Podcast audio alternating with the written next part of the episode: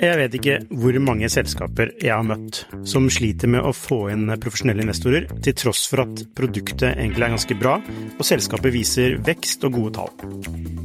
Hvis det er én ting de proffe investorene er på utkikk etter, i tillegg til at du bygger et bra selskap, selvfølgelig, er hvordan du håndterer dine aksjonærer, eller ditt såkalte captable, som det heter på startupsk.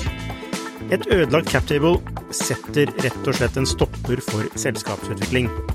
Unlisted.ai gjør det mulig for selskaper å håndtere aksje- og opsjonsprogrammer, aksjeeierboken, captable og det meste av rettigheter inn mot aksjene i selskapet på ett sted. Prøv unlisted.ai sin gratulasjon i dag. Hei, dette er episode to i serien Ta bedre beslutninger. Psykolog og forfatter Jan Ole Hesselberg er ekspert på det å ta beslutninger. I første episode fikk vi en innføring i beslutningstagning. I denne episoden skal vi snakke om typiske tankefeller å gå i når man skal ta en beslutning. Eh, vi har snakket eh, litt om sånne tankefeller, mm. men hva er de liksom verste tankefellene? Altså sånn, liksom, du nevner mange tankefeller i boka di. Mm. Hva er den du tenker er sånn, eller de to-tre du mener er liksom, de må være mest obs altså, på?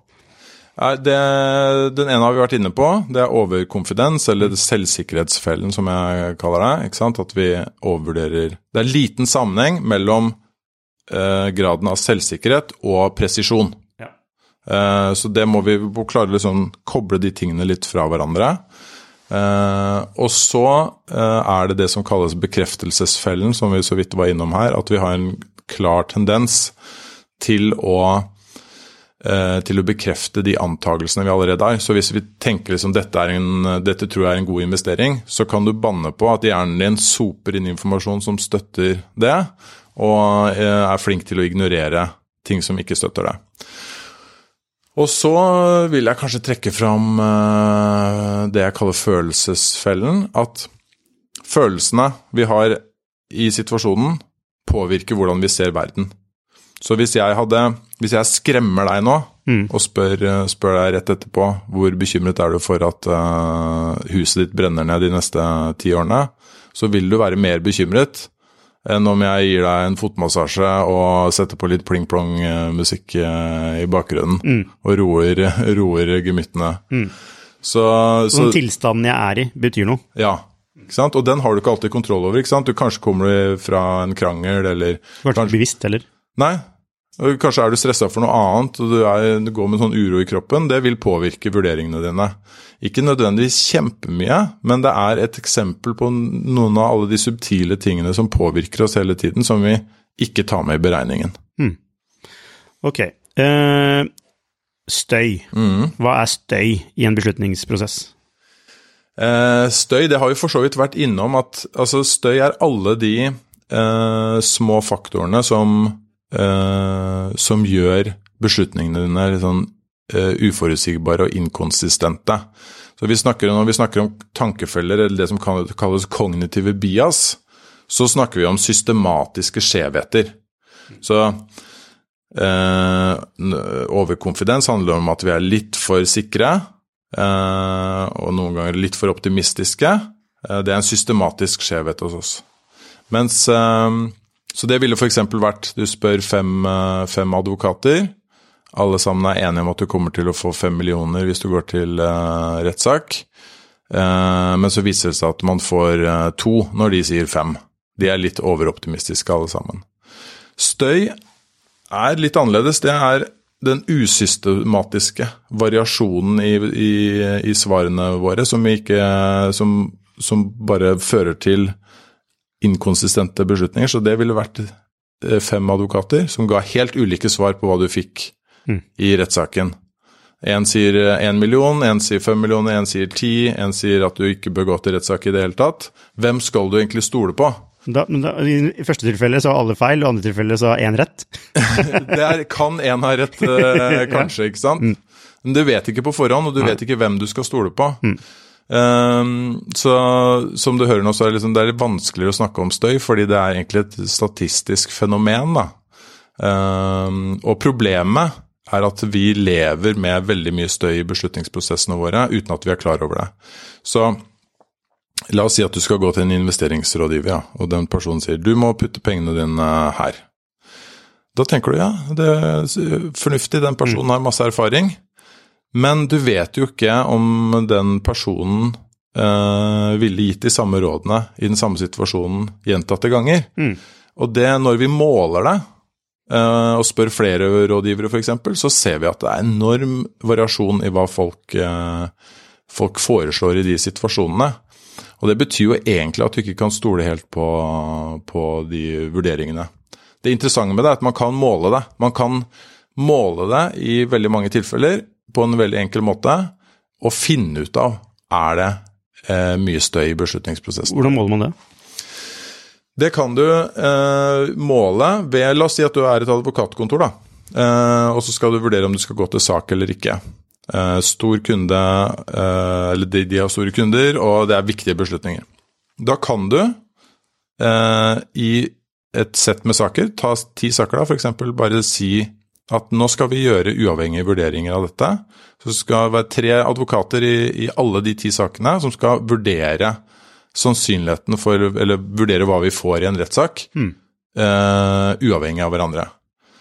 Da kan du måle hvor mye er det egentlig de som vurderer har noe å si for hva man ender opp med å, å anta, og hvor mye er det saken spiller en rolle. Mm. Jeg jobber med det i søknadsbehandling, for jeg jobber for en stiftelse. Og der fant vi ut gjennom en analyse at søknadene bare forklarte 18% av utfallet til søknadene. Mm. Og at 82% ble forklart av hvem det var som vurderte, når på dagen det ble vurdert, hvilken rekkefølge ting ble vurdert i. Eh, massevis av faktorer som ikke har noe å si for eh, søknadsbehandlingen, men som, som likevel spiller en kjempestor rolle. Hva gjør dere da? Jeg vet ikke hvor mange selskaper jeg har møtt som sliter med å få inn profesjonelle investorer, til tross for at produktet egentlig er ganske bra, og selskapet viser vekst og gode tall.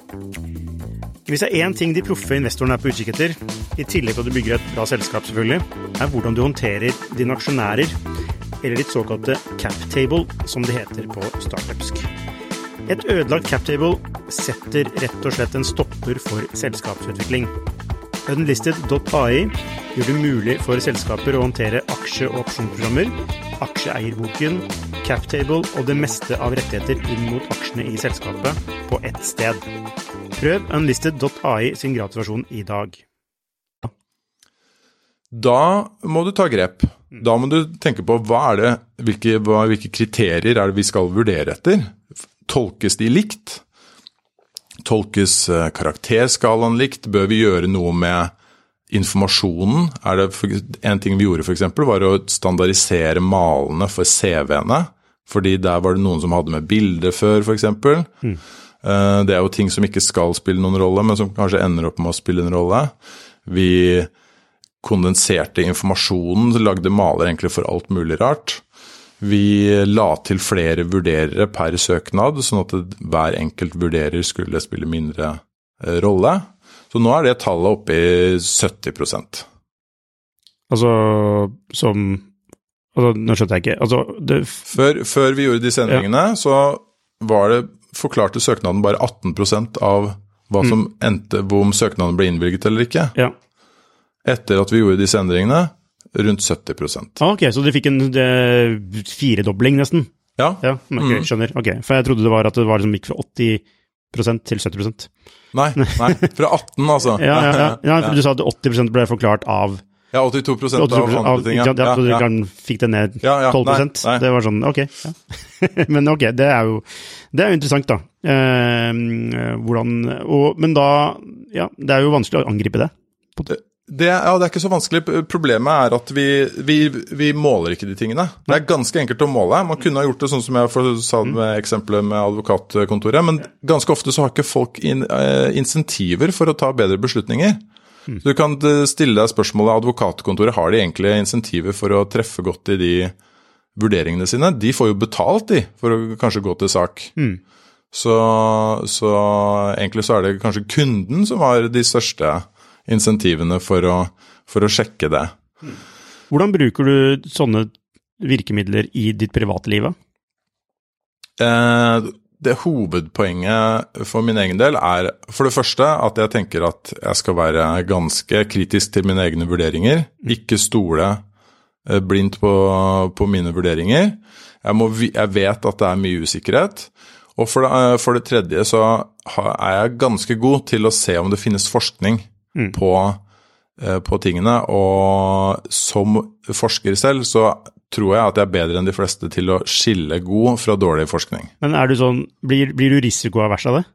Uh, nei, det, det vet jeg. Det tror jeg Det har mer med personlighetstrekk å gjøre. Ja, men bare sånn hvis du skal velge noe fra en meny på en restaurant. Ja.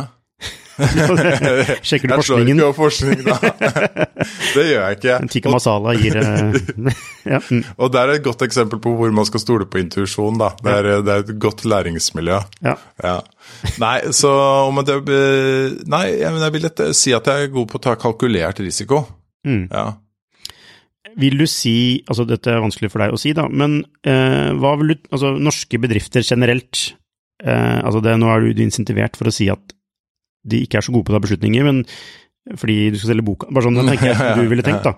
Men sånn, men sånn eh, hvordan, hvordan er det, altså, eh, altså hvordan står det til med beslutnings, eh, altså eh, kvaliteten i, i Norge? blant norske bedrifter, slik du ser det fra utsiden når du på en måte snakker, interagerer med folk? Jeg, så Stort sett så er jo, tenker jeg at den er ganske god, jeg. Ok, ja. Det gjør jeg. Eh, men så er det noen lavthengende frukter som, som man ikke benytter seg av. Sånn som målegraden av støy, f.eks., som er ganske lavthengende frukt. Eh, og så tror jeg at man i altfor liten grad er bevisst på beslutninger i grupper. Mm. Eh, hvordan man organiserer møter, og hvordan man, hvordan man legger til rette når man skal ta viktige beslutninger der flere mennesker er involvert. Det er neste eh, ting jeg tenkte å snakke om, altså beslutninger i grupper. Hva er viktig å tenke på i beslutninger i grupper? Altså typisk ledermøte, da, eller ledergruppa. Hei sann, Lukas her. Neste episode med Jan Ole Hesselberg kommer neste uke, og da snakker vi om gruppebeslutninger. Hvordan ser den ideelle beslutningsprosessen ut for en ledergruppe f.eks., og hva er de typiske fellene du bør unngå? Da ses vi neste uke.